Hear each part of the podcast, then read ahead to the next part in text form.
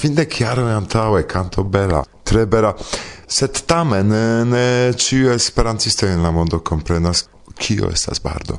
Mi preparis prelegon kaj prezentis ĝin quelquefoie jam tio estas prelego concerto pri la russai bardoi, kai mi comencis serci signifon de la vorto bardo en la vortaroi, cae ciui donas diversain tractadoin de tiu vorto, do mi forgetis tiun ideon serci signifon en la vortaroi.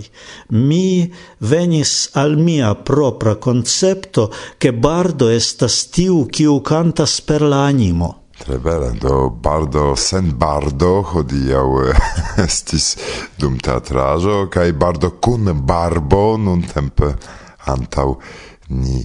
Ciom multe da componajoi vi faris? Ĉu vi povas calculi ilin, char kvindek jaroj estas suffice multe kaj oni ne memoras iaro post iaro, do vi eldonis shaine kelkajn discoin, ĉu ne? Oh, yes, yes. Kai vi trafis justan tempon.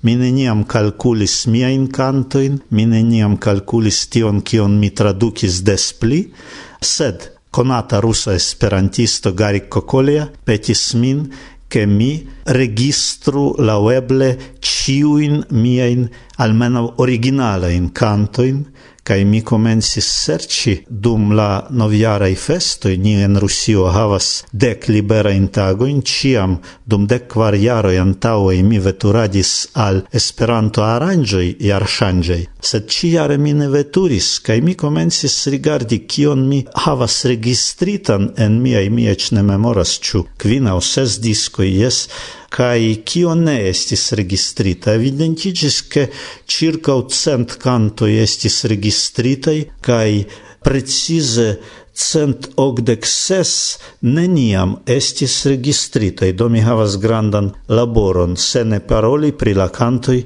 kiuin mi tradukis. Do via auscultantoj povis giui antau nelonge concerton de Jean-Mart kai Natasha, qui okazis dum la noviara renkontiĝo en Zabruken, kai tiam vi audis kiam Natasha kun Jean-Mart rakontas pri Michaelo Bronstein. Jean-Mart estas mia fiero. Vidu, mi faras cantoin miain nur por simplai, ne primitivai, sed simplai poemoi. Yes, sed pli complicai poemoi restas poemoi versoi kai ilin prenas libervole aliai homoi, ne nur Jomart kai Natasha, ankaŭ la ĉeĥa cantistino professia Elena Puchova, anca o ensemblo Assorti, Mihail Povorin el Moskvo kaj aliaj, ili legas miajn poemaroin, kaj trovas kaj scribas al mi, ciu ni raitas preni iun texton tiun au tiun por fari canton, Kai mi diras, nu jes, mi nur salutas tion, kai foje tio okazas pli serioze, kiel en la okazo kun Jomart kai Natasha. Mi ne opinis che ili attentos mia in texto in sedien la unuan ili prenis ec sen mia permesso. Do, ocasis kef anta multa iaro in une tre multa, in equindex et circa dec quin, jes ocasis cef ielda en Danio au en Svedio, mi ne memoras, kai. Tien veturis rusai cantistoi tre bonai Andriusha Obreskova, Livanova, brila cantisto kai canta autoro, Masha Kočitkova, alia kiui ne estas bone konatai en ekster Rusia medio, sed kiu estas veraj cantistoi ankaŭ.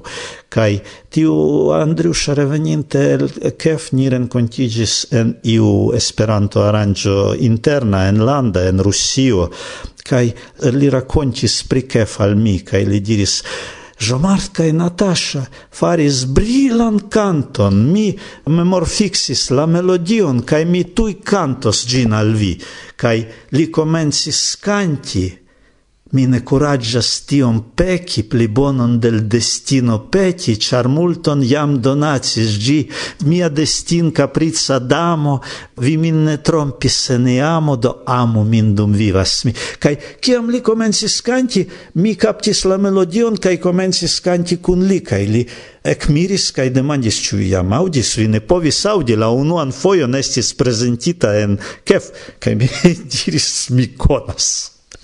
char estas mia poemo. Yes, poste Jomart scribis al mi cae petis oficialan permeson por eh, uh, dec quelcai textoi miaj cae mi faris oficialan raitigilon kai uh, eh, ili faris la cantoin kaj estis seldonita disco amo min kun dec tri au dec quar mi jam ne memoras cantoi kaj mi povas dire al vi ke estas Mia bon chanso, che Jomart, giuste Jomart, interessigis pri tio, char Jomart estas kiel melodiisto tute el stara homo. Multai homoi faris melodioin, ec por quelcai miei poemoi estas faritei tri melodioi de diversai homoi. De Elena Puchova, si forte offendigis foie pro tio che mi permessis ancau al Jomart fari canton por mia poemo Gis, estas tre bona poemo, kai Elena faris bonan melodion, sed Jomart, Jomart estas neripetebla. Tiu milda kai tenera kai nuans plena vocio de Natasha bone estas adiciata al la cant maniero de Jomart kai en la cuno cun gitaro de Jomart kio estas elstara. Ili faras brila in afero in brila in componajo in domi povas nur fieri sed neniam canti mi comprenas Ruso kapablas tutan nokton kanti en Esperanto ĝuste en tiu stilo kiun ni aŭskultas nuntempe kai ne ripetiĝi, ĉu? Oh, yes tio estas aparta afero. Do vidu, estis nia fenestro en la mondon por havi freshan aeron, kiam ni logis en Sovetunio kai ne havis eblecon elveturi ien kai ni havis nia kantojn. La canto estis multai tre multaj kai kaj Quelcae cantoi forgesigis, sed multae cantoi restis en la capoi de mia generatio, cae estis transdonitai al la nova generatio, kai mi fieras pri unu afero, kiun mi naskis kun Garik Kokoli, eble esperantisto en la mondo iom konas tiun nomon, li estas redaktoro de Rusia Esperanto Gazeto, kaj vere aktiva esperantisto en Rusia Esperanto Movado. Do, sidante en lia hejmo, li ne drinkas tute, sed mi drinkas, do mi havis antaŭ mi glason kun vodko, kaj li havis kolaon, kaj ni ekhavis ideon, ke ni devas ia maniere conservi tiu incanto in por pli novai e iunai generazioi de esperantistaro, che tio ne perdigiu, kai ni decidis che ni lanciu vojdonadon per lettere tiam ancora reto. Ne existis, sed au eble existis, sed ne ciui havis, cer estis fino de la pasinta iarcento, naudec naua iaro, comenzo de du milani, comencis tiun aferon, cae homoi reagis, homoi sendis al ni listoin de siai shatatai cantoi, cae ni faris electon, selecton, cae electis comence quardec au quindec cantoin, la plei shatatai, cae inter ili estis trideco de la plei shatatai, de la cremo, cium shatas ciui, cae ni decidis comenci de tio ci.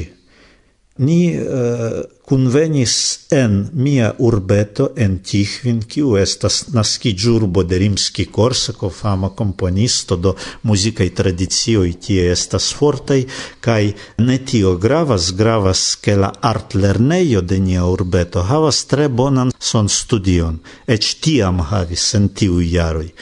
Kaj convenis sufiĉe granda grupo Шайнас de kvin personoj, niaj esperantistoj tifinaj loĝigis ĉiujn en hejmoj, kaj ni laboris dum kvin tagoj kaj registris tiujn tridek kantojn.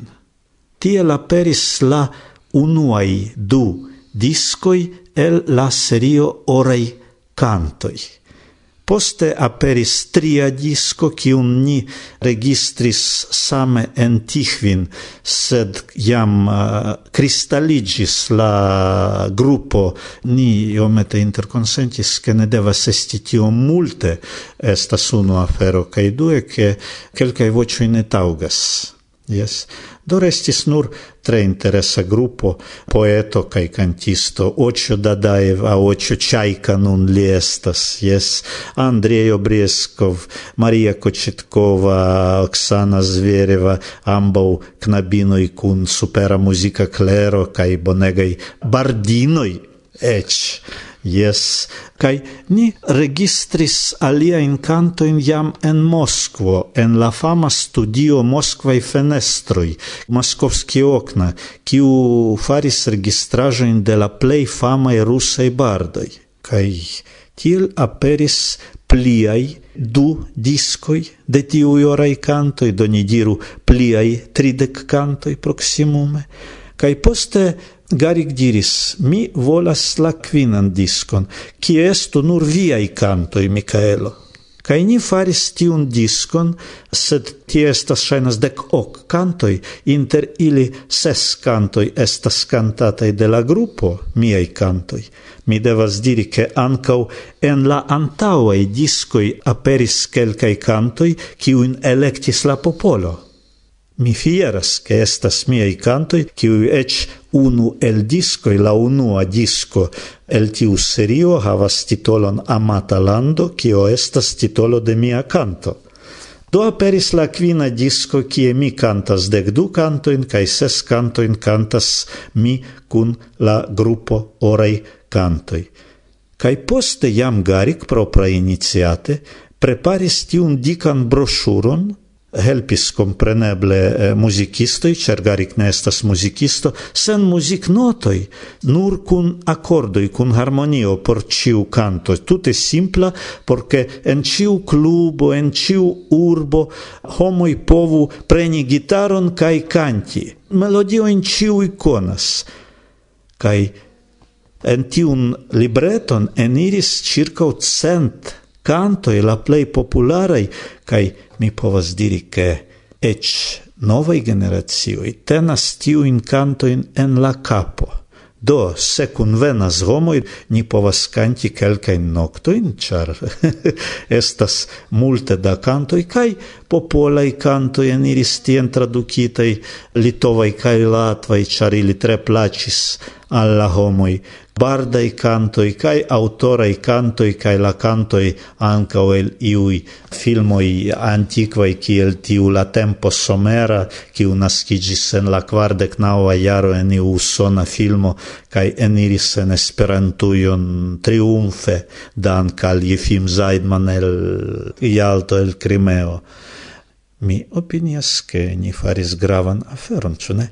Evidente kion vi ŝatus diri al esperantistoj en la tuta mondo en multaj anguloj de nia eh, laca pro ci batalo milito itero ekzistas esperantisto kaj kelkaj el ili aŭskultas nian podcastan kion vi ŝatus diri al ili?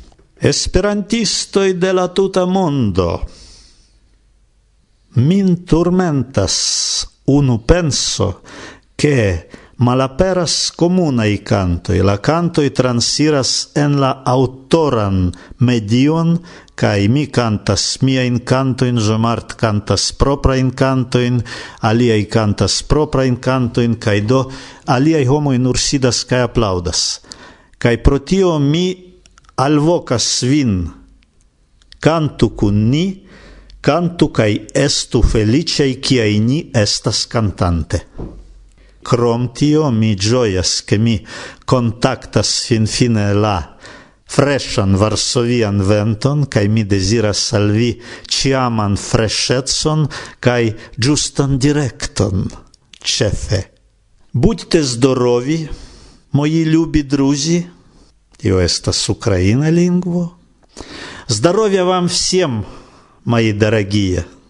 En la russa lingvo. Sei gesund! en la ida estu sanai kai felicei. Cion bonan!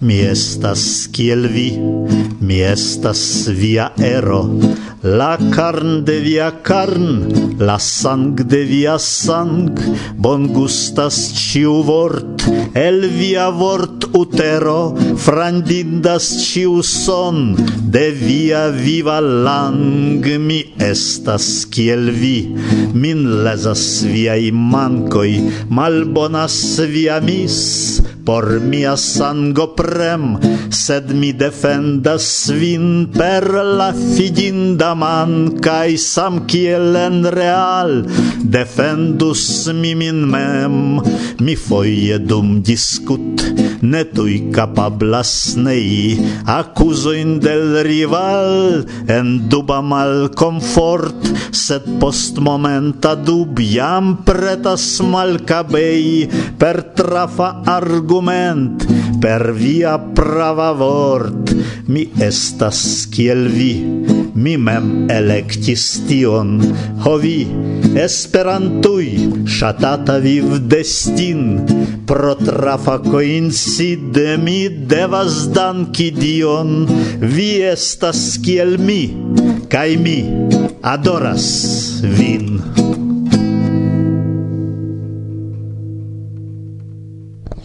Karan dankon pro intervjuo. En ordo, bla bla bla.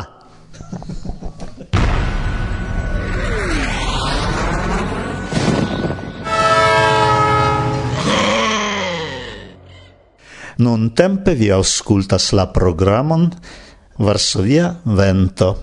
Bla bla bla. Mm.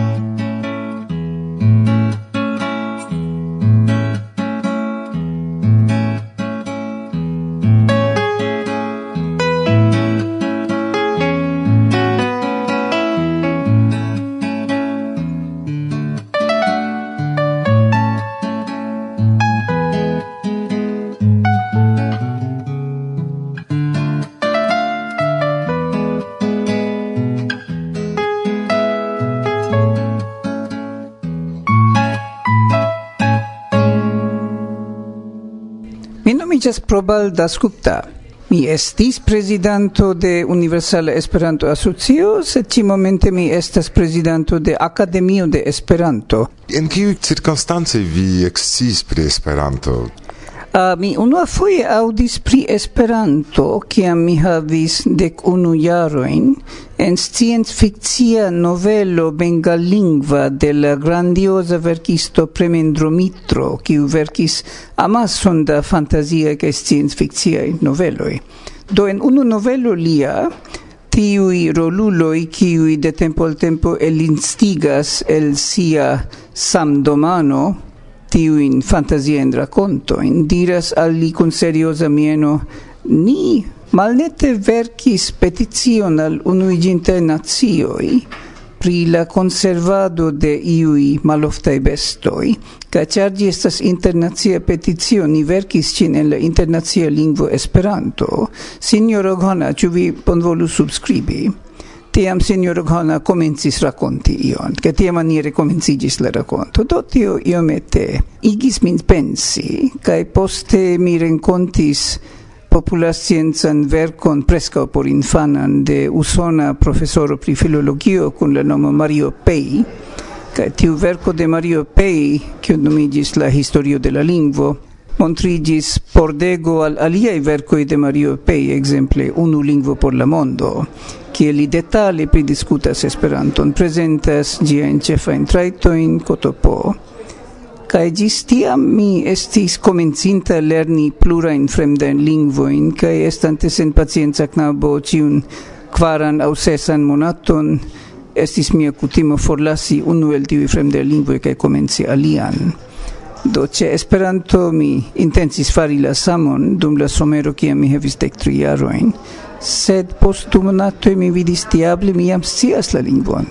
Kaj devos ion fari per ĝi, mi ne povas ĉesi kaj papilie flugi al alia lingvo. Do tial ekde proximum la dekkvara jaro mi komencis skribi al asocioj aboni gazeto in aligi al corresponda servo monscala aligi al universala esperanto asocio kotopo tio tio komencigis en sesdek sep. Ĉu en via regiono homoj scias ion pri Esperanto, pri Zamenhof? Oni multe consciis, cer quelcen monato in post che mi lernis la lingvon, mia patro hazarde audis pri pioniro, kiu loĝis kelkdek kilometrojn for de ni, Kaj ni contactis lin, li montrigis esti sestec triara signoro emeritiginta, kiu en sia junaĝo lernis la lingvon en Svedujo en 1928 kaj faradis in tra diversaj eŭropaj e kaj conis pli malpli ĉiujn en la movado. Li nomiĝis signoro Sinha. Kaj signoro Sinha estas aparte conata figuro ec en la Europa movado, cia li cien voyagis, kaj estis exemple amico de la gepatroi de Peter Vaide ca Eliza Kellet, exemple. Eliza tre coleris, kiam si audis anto quelca iaro, e mi iconi signoron Sinha, si diris: "Kial vi ne diris al mi, Ce ni estas fotoi kun mia gepatroi, ca ili estis tre proxime amico liaj, ciu vi stiis tion?" Ca til plu.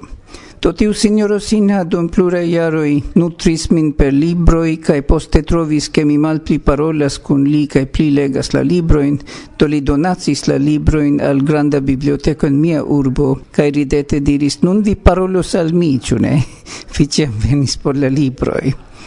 Do ja, li estis granda pioniro, es disciplo, signoro Haldar, en enconducis quelcaen Esperanto kursojn en la lerneio en tiu institucio Shantiniketan cent kilometro in forte colcato Do exemple mia edzino kiu estis tiu momente ses au sep jara estis infano cuspita pro tio che nur la infano pli age ol si raitas lerni Esperanton, che si ne raitas. Estis lecionoi en sia lerneio en tiu tempo. Do ja, estis homo qui audis pri Esperanto. Ili ne multon faris pri ĝi, sed ili audis pri ĝi. Kiel vi deziris movadumi? Ĉu Universala Esperanta Asocio bezonis vin? Ĉu vi vidis vin en Universala Esperanta Asocio, ke vi povas puŝi la maŝinon antaŭen? Mi starigis la saman demandon al tiuj en Universala Esperanto Asocio, kiuj diris al mi, ĉu vi ŝatus fariĝi prezidanto? Mi diris, mi? Kiel vi starigas tiun demandon? Kiel tio povas esti utila por la asocio? Tiam la respondo estis che oni vidis min activi en plida diversae retlistoi ol iu alia en tiu momento. Mi estis videble scivolema. Mi cien enŝovis mian nason, cae starigis demandoin, cae clopodis conatigi con diversae rondoi. Do tian homon shaine oni tiumomente bezonis. Mi tiam diris, kial ne Ixo, mi mencis iun kiu laŭ mi estus tiam tauga kandidato. Mi ne citos la respondon al tiu demando, sed mi ricevis kontentingan respondon. Mi diris, bone, mi kandidatiĝas, sed ne vere vole kandidatiĝas. Do estis tiel, mi, mi ne aparte intensis, mi certe ne proponis min, tio estis complete exter mia imago. Successoi de via periodo? Successoi de mia periodo estas cefe en penetri alte la asocion de lingvo testisto de Europo, cun la helpo cefe de Katalin Kovac kai Jofia Korodi. con ilia helpo kai plurai el ni en UEA kiu laboris con ili, ni successis penetri alte kai meti unu pezzo de examena sistemo, la CARE sistemo, sur la mapon de Esperanto ekzamenoj kaj de lingvaj ekzamenoj. Tia maniere, kiam mi parolas al ekzemple instruistoj en mia lando de la franca aŭ germana, mi povas sen granda fortostreĉo paroli pri paralelaj ekzamenaj sistemoj kaj ili tuj komprenas pri kio ni agas kaj maniere. Estis kelkaj aliaj, sed ĉi tiu estas unu en la listo. Fiaskoj aŭ sen iluziiĝoj? mi ne vere successis kunlaborigi la teamon pri miai ideoi, ĉar kiel estas conate, neniu comprenas miajn ideoin. Mi estas conata malfacile comprenibla preleganto kai miai estrar collegoi havis la saman sperton kiel ciui aliai. Do ne estis conflicto, sed estis tiel che miai estrarui ne vere successis teame atingi tre multon ili povintus pli fari kun presidento kiun ili comprenas, exemple Mark Fettes au Renato Corsetti au Lee Jong-yong.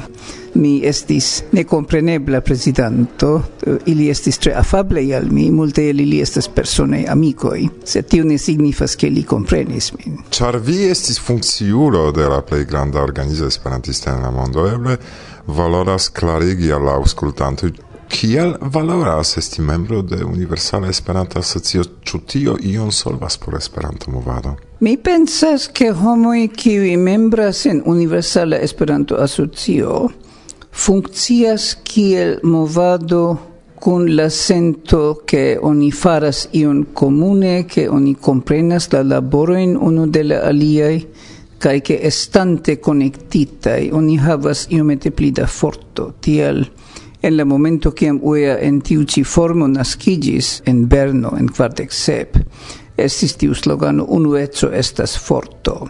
Quancam la loca contexto tiu momente estis la unuigio de Internacia Esperanto Ligo kaj la antaŭa iu malgranda Universale Esperanto Asocio, tamen tiu vortoj unueco estas forto validas anco hodio. Mi subskribus tiujn vortojn. Vi rajtas mesaĝi ion alla auscultanto, alla esperantisto, la kiel privata homo. Mi shatus transdoni la proponon de mia patro, kiu en sia knabaggio faris laŭ la rekomendo de Mahatma Gandhi ciutagan spinan laboron. Gandhi havis la rekomendon ke ciu patriota baratano ciutage dum duon horo spinu iom da spinajo porque la lando successu vestis in mem anstato dependi de la imperia sistemo funkciigata de la Britoi. Mia patro havas proponon por la esperantistaro che ciu esperantisto ciu tage dum duon horo traduku ion. Cia traduki estas texta laboro, paralela alla texa laboro, la spina laboro. Cae ciui povas traduci en iu directo. Mia patro comprenis tute bone, li ne existas plu, li mortis antau deciaroi. Mia patro bone comprendis che ne ciui same capablas. Tre alt nivele traduki, do li ne proponis che ni ciutage verku in tradukajn frazojn kiuj aperu en eldonita formo, sed simple kiel exerzo. Ni ciui ciutage almeno duon horon traduco. Eble en Esperanton, eble el Esperanto, eble en esperantisma spirito inter du etnai lingvoi ne vere gravas, gravas connecti. Tio estus mia messaggio. Dankon. Dankon pro via tempo, kai dankon, care auscultantoi, pro via attento. Coran dankon, estis tre bele. Varsovia vento, bla, bla, bla.